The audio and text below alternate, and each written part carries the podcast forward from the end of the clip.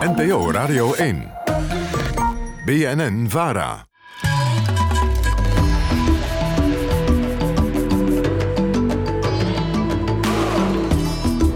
Sinans Atlas. Met Rauwenak Kadari. Welkom bij deze speciale aflevering van Sinans Atlas. Het is namelijk de 50ste aflevering van dit programma. En voordat u denkt, waar is Sinan nu om dit jubileum met ons te vieren? Hij zit uh, voor de gelegenheid Ja, ik ben er. bent er. Welkom in je eigen programma, Sinan. Dankjewel, Raunak. We gaan naar een land met jou. Ja. Welk land is dat? We gaan naar Afghanistan. Eh, ik ben daar nog niet zo lang eh, geleden van teruggekomen. Twee, ongeveer twee weken geleden. En, eh, en ik ben er al vijf keer geweest. En, eh, ik zou het liefst over eh, Italië willen praten, over Libanon. Maar Afghanistan is ook een bijzonder land. Maar waarom zou je dan het liefst over Italië of Libanon? Nou, Italië, dat is het land waar ik oud wil worden en wat ik, waar ik vaak op vakantie ga. Eh, Libanon, Beirut is ook zo'n plek waar ik eh, vaak naartoe ging om op te laden en om te schrijven. En ik hou heel erg van het Midden-Oosten. Eh, maar Afghanistan is ook echt heel bijzonder. En nou ja, we kennen het eigenlijk alleen maar van oorlogen en zo. Hè? En, maar het heeft echt nog veel meer te bieden. Ja, en we kennen het van jouw verhalen natuurlijk. Want je bent er meermaals geweest voor je Ja. documentaires. Wat voor verhalen heb je daar gemaakt? Ik heb nu, eh, was ik er voor een, eh, voor een tweeluik met, die ik met Floortje Dessing maak. 20 jaar 9-11. Dus 20 jaar na, na, na de aanslagen in, eh, in, in Amerika. En het idee is dat, eh, dat Floortje reist door Amerika. En ik reis parallel aan haar door Afghanistan. En dat zijn verhalen die in elkaar grijpen. Namelijk, wat heeft die ene dag, die aanslag, betekend in die levens van die mensen? Nou, nu heb je één hele grote aanslag waar een aantal, heel veel miljoenen levens aan elkaar verbonden zijn. Nou ja, en dat heeft echt nou ja, ontzettend mooie verhalen opgeleverd. Ik ben in Kabul, in Kandahar geweest en in Herat. Kandahar zijn we geweest omdat na de aanslagen van 9-11 eh, in oktober de Amerikanen eh, de oorlog hebben verklaard aan Afghanistan. En Ja. Ook Kandahar was eigenlijk een van de eerste plekken die ze hebben gebombardeerd. Omdat de Taliban zat daar, maar ook de mastermind eh, Osama Bin Laden. Ja, hoe zou je het land omschrijven? Eh, het land is een Centraal-Aziatisch land. Ehm, en dan denk je, ja, maar dan eh, li- lijkt het toch op, weet ik veel, Pakistan of India. Nee, het is toch echt anders. Bergachtig veel. Het land zit eigenlijk tussen Iran en Pakistan in. En in het noorden natuurlijk eh, Tajikistan. En het grenst ook nog een stukje aan, aan India. Het is een land waar de tijd een beetje stil heeft gestaan. Dus het is echt, eh, je komt soms op, op plekken, Raunak, eh, in ik was in de Hindukush-pas, waar Alexander de Grote met zijn leger doorheen is gegaan. En dat wordt op een manier beschreven, als je dat leest, het is nog steeds hetzelfde. Dus daar hangen geen elektriciteits- of gsm-masten. Er is helemaal niks. Het is eigenlijk nog steeds hetzelfde als een paar duizend jaar eh, eh, geleden. En dat is heel uniek. Dat maak je niet veel mee in, in, in andere landen. Er zijn daar plekken die, die, ja, ik denk echt al een paar duizend jaar hetzelfde zijn, waar niks aan, aan is veranderd. De natuur is gewoon waanzinnig. Is echt, eh, ik zou zo graag willen dat er dat het er veilig is dat mensen op ecotourisme daar naartoe kunnen gaan. Het is echt. En, en nou ja, de, eh, beetje cliché, maar de gastvrijheid van de Afghanen is ook eh, ontzettend mooi. Want wat heeft het te bieden qua natuur? Als je van wandelen houdt, prachtige bergen, maar ook echt mooie eh, streken. Bamyan is bijvoorbeeld een waanzinnig mooie provincie. eh, met allemaal canyons en, en, en eh, mooie bergen, eh, maar ook heel veel oude steden. Was in Herat, dat ligt tegen de Iraanse grens aan. Dat is echt een hele mooie oude stad met nog een oude fort van Alexander de Grote. Ik ben in Mazar-e Sharif geweest, dat ligt in het noorden. Dat is ook een ontzettend mooie oude, oude stad. En wat zo mooi is, is dat je het gevoel hebt dat de tijd daar stilstaat, maar alsof je in een soort oude zwart-wit geschiedenisfilm stapt. En, en eh, waarin er eh, ja, eh, sommige gebieden nog zo ongerept zijn. Eh, maar dus ook echt eh, heel divers qua landschap. In het zuiden is het iets meer woestijnachtig. Noorden veel meer eh, bergen, groene bergen in Bamyan. Eh, heel veel geschiedenis. En ook op de meest gekke plekken kom je de meest bijzondere dingen tegen. Ik was toevallig in de provincie Parwan. En daar was een heel oud boeddhistisch heiligdom. Waar nagels en haren van Boeddha in lagen.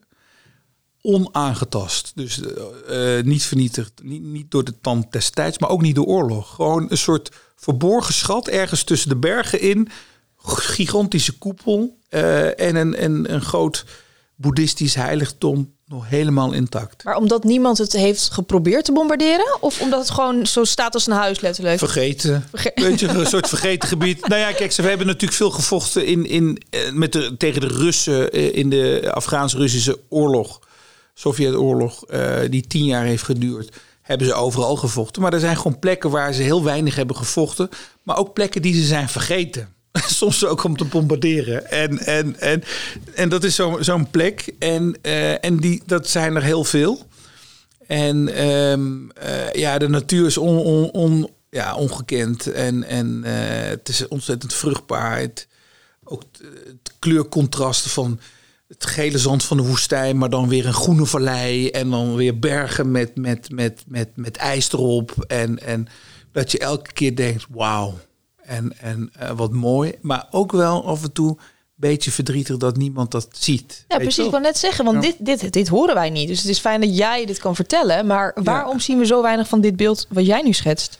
Omdat we natuurlijk veel uh, horen over de oorlog, eh, over het conflict, over de Taliban, over Al-Qaeda, over de aanslagen. Eh, toen ik er was, waren er weer aanslagen. Ook op een meisjesschool waar 60 doden zijn gevallen. Toen was jij daar, hè? Ja, ja. ja ik was daar toen uh, twee dagen voor die aanslag hebben wij in die wijk gefilmd bij een kindercircus.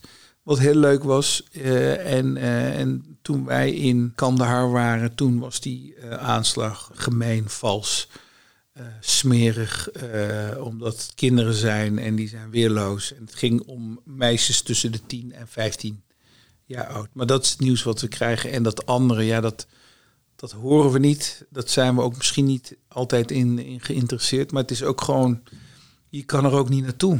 Ik zou graag willen dat de hele horde uh, toeristen daar naartoe gaan om het, om het land te zien. Mensen die van natuur, natuurtoerisme houden. Dan, ik denk dat je daar ontzettend aan je. Je wordt echt gelukkig daar. Want word jij daar gelukkig als je er bent? Ja en nee. Uh, nee, uh, omdat ik zie hoe het gaat met het land en het geweld. En, en, en, en dat het uh, hel op aarde is voor kinderen. ik heb wel eens gezegd, er is geen land waar, ze kinderen, waar kinderen het zo zwaar hebben. Je loopt daar met een soort gebroken hart rond, constant. En aan de andere kant vind ik het wel fijn om daar naartoe te gaan ook weer om die verhalen daar te halen. Maar ook, ja, toch ook de gastvrijheid en de vriendelijkheid en de liefde van die mensen uh, te voelen. En ik wens ze ook echt het beste. Ik hoop ook gewoon dat, dat er echt een keer vrede komt. Dat er, dat er een keer echte lente doorbreekt daar. Uh, dus het is, ja, dat, die pijn. Uh, maar het is ook wel weer bijzonder om, om, om daar te zijn de verhalen, maar ook de landschap en de mensen en sowieso de mooie menselijke verhalen. Want als we terug gaan naar die pijn, jij bent niet heel lang terug uit Afghanistan nu, je laatste reis. Kan je dan hier gewoon je leven herpakken en doorgaan? Nou, ik moet je heel eerlijk zeggen dat ik de week dat ik terug was, een week in bed heb gelegen. Ik was een beetje uitgeput. En, uh, uh, mentaal of fysiek? Allebei, fysiek en mentaal. Uh, het was heel warm daar, 35 graden. En er is een soort constante spanning. Je, uh, slaapt gewoon slecht. En uh, soms eet je ook slecht. En mentaal, uh, fysiek, maar ook mentaal. Dat ik, echt, ik ben toch bijna altijd vaak uitgeput. En dan ben ik ook wel neerslachtig en wil ik eigenlijk een hele week slapen. Maar nu gaat het wel weer goed. Gelukkig, ja, je kom je net met de lach binnen. Ja. Maar is dat ook een soort van machteloosheid? Want je gaat er, je gaat er ja. continu heen en je ziet dan in al die jaren dat je bent geweest, het land is eigenlijk niet veranderd. Of niet nee, klopt. Het is. Uh, uh, machteloosheid, ook een beetje wanhoop. Dat, dat je hoopt dat, dat elke keer als je er terugkomt, dat er misschien iets is verbeterd in ja. het leven van de kinderen daar. En dat je dus merkt dat ook de docus die ik maak ook niet bijdragen. Niet eens 1% aan dat de situatie voor hun beter wordt. Nou, dan is het best wel veel gevraagd als journalist dat je het leven van mensen kan veranderen door het maken van documentaires. Maar daar hoop je toch wel op. Uh, de verandering zit hem soms, vooral hier, mensen die kijken, die tot andere inzichten komen. Of die uh, vluchtelingen beter begrijpen of conflicten beter begrijpen. Maar het leidt niet tot, tot een, ook maar een minimum verbetering van het, van het leven van de mensen daar. En dat vind ik wel, denk ik, het meest frustrerende aan mijn werk. Dat, dat je toch ergens ook hoopt dat het minimaal nog misschien een heel klein beetje het leven verbetert van, van die kinderen. En ja, en dat doet het niet. En, en ja, dan uh, dat frustreert een beetje. Dat je denkt van ja, ik kan misschien nog wel honderd keer daar naartoe reizen en nog honderd keer een docu maken. Maar wat hebben die mensen daaraan? Nou, wat ze er eigenlijk aan hebben is dat we de verhalen vereeuwigen. Weet je wel? En dat ze gehoord worden. Dat hun verhalen onze verhalen worden. Hun pijn onze pijn. Hun vreugde onze vreugde. Eh, daar zorgt het voor en daar doe ik het ook voor. Eh, maar ik zou willen dat het iets meer impact heeft voor ze.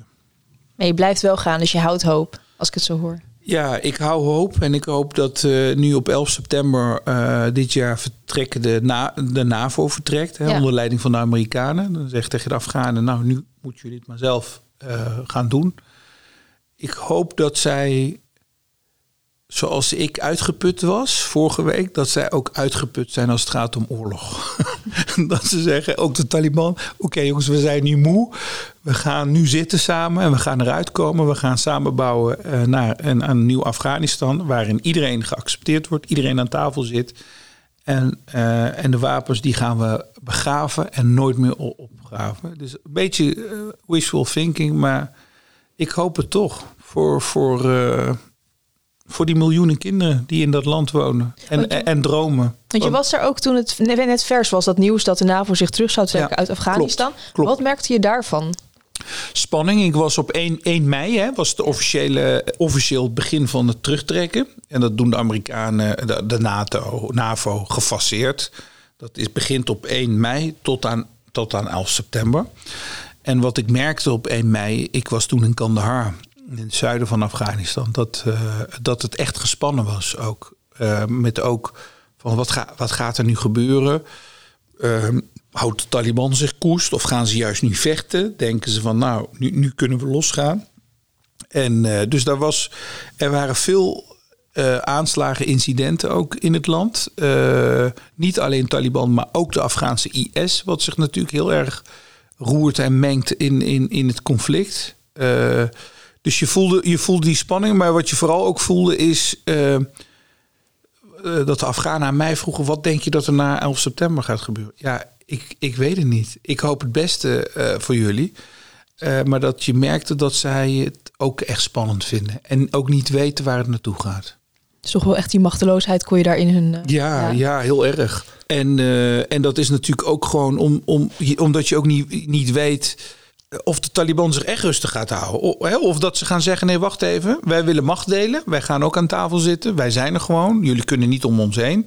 Maar wij beloven dat, dat, we, dat we ophouden met aanslagen en, en, en, en met geweld. En misschien doet de Taliban dat, maar wat als, de, als IS dat niet doet en denkt van nou, het zal wel dat jullie, het kan ons geen reet schelen. Wij, wij gaan gewoon door. Dus die, die onzekerheid heb je. En wat je dus ook ziet, Ronak, is bij vrouwen. Die bijvoorbeeld hun vrijheid hebben teruggekregen nadat de Taliban verdreven was. Mensen die bijvoorbeeld nu werken. Ik heb een radiopresentatrice gesproken die uh, uh, voor de komst van de Taliban dus al heel lang radio maakt, bijna 40 jaar. Maar in de tijd van de Taliban mocht ze dus niet, niet meer werken. In ieder geval niet meer bij de radio werken. Nou, toen de Taliban weg verdreven werd, heeft ze haar werk weer opgepakt. En nu is ze weer bang dat, dat het misschien weer straks weer niet kan. Dat weer haar carrière wordt kapot gemaakt. Ja. Haar leven eigenlijk wordt kapot gemaakt. Ja, haar leven wordt kapot ja. gemaakt, want het is een ontzettend leuk, gepassioneerd mens, uh, uh, radiomaakster. Die, die, die echt geniet van het werk. Ik zag haar op, uh, op, op, op haar werk, ik heb haar geïnterviewd. Dat ik dacht, dit is iemand die echt ervan geniet. En die waarschijnlijk ook twintig jaar geleden, toen ze haar baan weer kon oppakte, ook uh, waarschijnlijk wel misschien van geluk heeft gehaald van yes, weet je, eindelijk, het, het kan weer. Ik mag weer zelf bepalen wat ik doe met mijn leven. Ja. ja. En jij komt best wel met heel veel persoonlijke verhalen ook terug. Is dat ook, zijn de Afghanen ook zo uh, ontvankelijk voor anderen? Ja, als, als, uh, het is altijd, maar dat is uh, overal wel een beetje zo in het Midden-Oosten. Eerst heel een beetje wantrouwig, even uh, katten uit de boom. En dan vervolgens, als, als ze een klik hebben, eh, dan, dan, eh, dan praten ze wel. En het is wel leuk dat ehm, ja, die mensen die ik wilde interviewen ook allemaal geïnterviewd, die heb ik kunnen interviewen, maar ook dat ze echt ja, best wel rijkelijk gul hun verhaal hebben verteld. Soms is het al heel smuur, en, maar nu was het echt van iemand die twaalf jaar onterecht in Guantanamo Bay heeft vastgezeten. Tot een man die een paramotor heeft gemaakt en elke maand in Herat de lucht ingaat en flyers over de stad heen gooit. Met de hoop dat er ooit vrede komt. Want hij hoopt dat zo voor zijn twee zoons. En eh, hij heeft twee jonge kinderen. Eh, tot het waanzinnige verhaal van een docente die lesgeeft op een meisjeslyceum waar zij zelf eh, ooit les heeft gekregen. Dat zij in de tijd van de Taliban mocht zij niet meer naar, naar school toe. Moesten ze thuis gaan zitten en eh, naai- en breiwerk gaan doen. Ze, waren, ze was het er niet mee eens met drie vriendinnen. En zijn een brei- en naaiclub begonnen. Maar het was eigenlijk een soort ondergrondse school. Kijk. Waar ze dus stiekem in een kelder eh, eh, nou ja, gewoon les kregen. En die drie, dat werden dertig meisjes in Herat. Als een soort verzet van, ja, jullie kunnen dat wel willen, dat wij niet meer naar school gaan. En, eh, en die hadden, kregen daar les en, en, en, en lazen literatuur en, en filosofie en debatteerden met elkaar. En echt als een soort verzetsdaad van... ehm, nou, we hebben een illegale, een neppe nightclub, wat helemaal geen nightclub is. En, eh, en ze vertelde dus ook dat, dat ze een keer, dat ze natuurlijk geen boekentas bij zich eh, kan hebben, maar dat ze haar boeken vasthoudt onder de boerka. En dat ze die een keer had laten vallen. En er was iemand van de Taliban die stond op de markt en die had gezien dat dat boeken eh, waren. En dat dat nou ja, net goed is gegaan. Omdat als ze gepakt zouden worden, ja, dan had- hadden ze grote problemen gehad. Eh, eh, en dat had kunnen eindigen tot, tot, tot stenigen ergens in een, in een, in een stadion. Het enige trieste van dit eh, positieve verhaal is dat een van de drie uiteindelijk uit het leven is gestapt van die vrouw. Die kon niet meer, die kon niet meer aan om onder dat Taliban-bewind te leven en zij heeft zichzelf in brand gestoken. Maar de andere 29 leven nog. En die zijn verspreid over de hele wereld. Er wonen er een paar in Amerika en Canada. Ja, ze vertelde het en ik dacht, ja, dit is gewoon een speelfilm. Heel inspirerend in ieder geval. Ja, vond ik ook. Ja, ja, het is een heel mooi verhaal. Dus dat, dat zijn zo'n verhaal waar je wel weer heel blij van wordt. En je glundert van- ook helemaal. Dat ja, ik vond het ook mooi omdat ik dacht van ja, weet je, dit is een mooi ultieme vorm van geweldloos verzet. Namelijk, wij willen wel les krijgen en wij willen ons ontwikkelen. En eh, wij gaan helemaal niet thuis zitten. Nee, maar je noemde het net ook al even, is dat dit is natuurlijk een heel goed voorbeeld van neem het heft in eigen handen. Ja. Maar je hebt ook eh, kinderen die leven daar ontzettend slecht, of een groot deel Ja. van de kinderen. Wat kan je ons daarover vertellen? Dat dat heel pijnlijk is, Raunak. Het is eh, een van de armste landen in de wereld. Nou, dat, dat zie je ook als je daar over straat rondloopt. In een stad als Kabul zijn er 60 tot 70.000 straatkinderen. Er zijn ontzettend veel kinderen die in de mijnen werken, in de mijnbouw eh, eh, werken. Dus echt uit, uitgebuit. We hebben het echt over minderjarigen. hè? Minder jaar, ja, dan heb je het over 10, 11, 12, 13, 14 jaar oud. Dan heb je ook nog eh, dat er ontzettend veel drugsverslaafden zijn. Wat voor drugs hebben we het dan over? Heroïne en crystal meth. Oh ja. En er is mij verteld dat er ongeveer 2 tot 2,5 miljoen verslaafden zijn, eh, waarvan eh, bijna 100.000 kinderen. Door, door die ouders ook. Dus ik heb bijvoorbeeld gezien dat een meisje van acht zichzelf een heroïnespuitje gaf. Eh, dat er, ik ben in een kliniek geweest waar moeders zitten, maar ook kinderen die moeten afkicken. En dan heb ik het echt over kleuters, hè? Ik bedoel, is niet, niet vijf, nee, vier, vijf, zes jaar oud. Is, is dat omdat zij dan verslaafd waren, omdat ze in de buik van hun moeder al eh, die... Ja, en dat die moeder dan het. la- Ik had, zag ooit een keer een moeder die in, in de babymelk eh, heroïne deed om het baby stil te krijgen. En dus wat had ik, wat heb ik gezegd? Armoede, uitbuiting, verslaving. Ja. Dan heb je ook nog misbruik eh, van jonge jongens. Bajibasi noemen ze dat, hè? de dancing boys. Jongens die geroofd worden, 9, 10, 11, 12 jaar oud. eh vrouwenkleren aankrijgen, moeten dansen. En uiteindelijk in de avond eh, in bed belanden bij eh, allerlei mannen. En Wie doet dat dan? Wie zijn die mannen? Uh, dat werd uh, lang door de Taliban gedaan, maar dat wordt eigenlijk over de hele, hele range wel door allerlei figuren, warlords, uh, gedaan. daar gaat het boek The Kite Runner ook over, hè? over die, die Dancing Boys. Dan heb je meisjes die 12, 13 zijn, net ongesteld zijn geraakt en klaar zijn om te gaan trouwen. dus kind, kinderbruidjes ja, armoede, uitbuiting, eh, misbruik, verslaving. Ja, you name it. Geen perspectief. Geen zicht op een gezond, mooi leven. dromen die uit elkaar zijn gespat. Ik vind echt hel op aarde. Zo klinkt het ook, ja. Ja.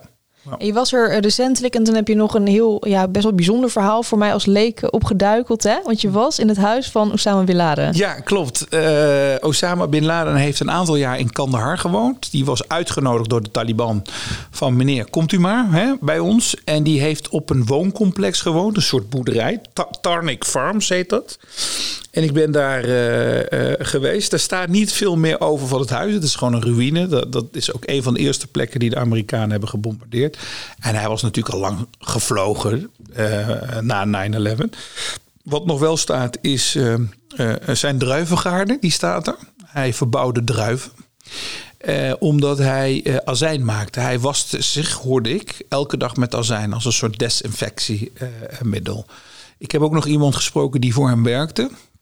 En die vertelde van, ja, dat het helemaal geen aardige en bescheiden man was, maar dat hij juist al die arme boeren van hun land uh, verdreef. En dat hij een kanaal heeft getrokken dwars door, door, door, door een stukje grond van een arme boer zonder toestemming uh, te vragen. Hij zei wel, we kregen steeds weinig geld. En als eten kregen ze elke dag rijst en Pepsi. En van Pepsi weten we het, omdat Bin Laden was gek op cola. Die zat de hele dag ook Pepsi te drinken. En, uh, en Snickers. Dat vond hij ook uh, uh, lekker. Zo Amerikaans was hij dus eigenlijk. Ja, hij heeft natuurlijk een tijdje in Londen gewoond. En ook in Amerika. En, en Saudi met veel geld natuurlijk. Hij had 300 miljoen dollar geërfd. En, en woonde dus op zo'n wooncomplex met zijn handlangers en familie. En deze man die werkte daar. en we liepen daar rond. En elke keer als ik ergens naartoe ga, uh, dan probeer ik iets mee te nemen. Dus ik heb bijvoorbeeld een stukje uit de kroonluchten meegenomen uit het paleis van Saddam Hussein in Tikrit. Ik heb een, een stukje tuindecoratie meegenomen uit de tuin van Gaddafi in Libië.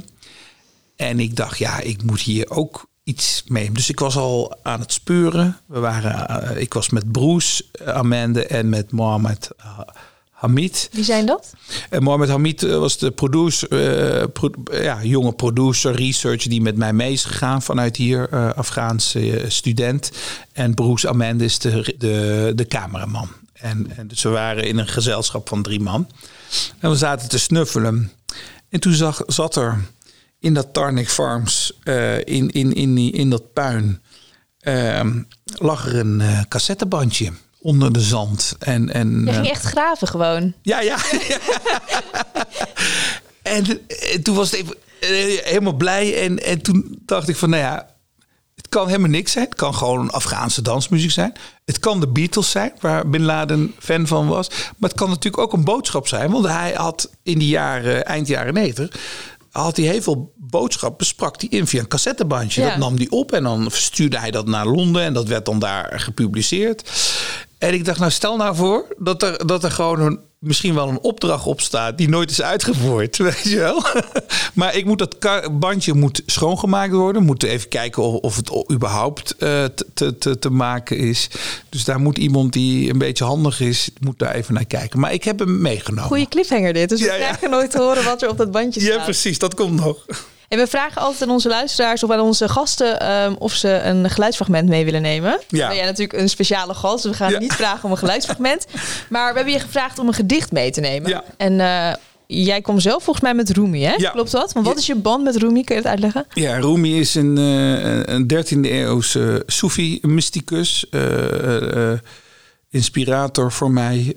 Soefisme is een progressieve tak binnen de islam, uh, waarin het, menselijke, het mens zijn heel belangrijk staat en de liefde voor de schepping ook voor alles waar leven in zit. En Rumi is daar een soort aanvoerder van. komt ook uit Afghanistan, uit, uit de provincie Bal, uit, uit de stad Ballig in het noorden. Ik ben daar ook ooit geweest bij zijn woonhuis. Heb daar een steen meegenomen. En die steen, daar heeft een Belgische kunstenaar heeft daar een kunstwerk van gemaakt. Dat zit, ligt bij, bij mij thuis ook. Daar kijk ik elke dag naar. En, uh, en hij is voor mij, een, uh, los van inspirator, ook iemand die heel erg troostend werkt. Uh, omdat het heel vaak over liefde gaat, over afscheid. maar ook wel hoopvol. En, en over, nou ja, ook je moreel kompas. En, en dus het is, ik noem hem mijn eeuwige reisgenoot. namelijk tot het einde en misschien wel daarna ook nog, hopelijk. Uh, en nou ja, dit, ik neem altijd een boek van hem mee, ook omdat het dus bijna een beetje therapeutisch werkt. En ik had nu een heel klein gedichtje van hem. Het is niet echt een gedicht, maar het is een spreuk. En dat past misschien wel een beetje bij dit lenteweer. mag het nu? Zeker, ga je gang, graag zelfs. Het is in het Engels, dus er is geen ondertiteling. maar het is niet heel moeilijk Engels, dus het komt wel goed. It's good to leave each day behind, like flowing water. Free of sadness, yesterday is gone and it's still told. Today new seeds are growing. En dat is ook heel erg Rumi. De dag die nog gaat komen en die geweest zijn, die interesseren me eigenlijk niet. Nu, het heden. Zoek hemel en hel niet ergens anders. Maar zoek het, maak hier een hemel van de aarde. Door liefdevol, vergevingsgezind, barmhartig en tolerant te zijn voor elkaar. Is dat ook hoe jij leeft? Het is hoe ik probeer te leven. Ik zou nog veel meer willen leven, zo, zeg maar, naar de, naar de maatstaven van, uh, van het soefisme. Zoals ze dat noemen, de veertig treden. Dat zijn veertig treden die je moet bewandelen om een volmaakt mens te worden. En volmaakt in die zin niet volmaakt als zijnde perfect, maar volmaakt dat je naarmate je ouder wordt ook jezelf beter begrijpt, je mindere kant ook beter begrijpt, maar ook milder en liefdevoller wordt naar mensen toe. Ik zou dat wel willen, ja. Ik weet niet op welke treden ik sta, maar ik zou ze wel alle veertig willen betreden nog voordat ik doodga. En als iemand zich ook wil verdiepen in het sofisme, wat is je beste tip? Mijn beste tip is om dan te beginnen met het boek Liefde kent 40 regels van Alif Shafak. Omdat dat in een romanvorm is geschreven. Omdat het een prachtig inspirerend boek is. Ontroerend boek ook is. Uh, om eigenlijk daar met dat boek te beginnen. Dat staat genoteerd. dankjewel dat je met ons wilde praten voor je 50ste aflevering. Ja, jij dankjewel. Als uh, fantastische invaller. Thanks. En u luisteraar, dank voor het luisteren en uh, tot volgende week.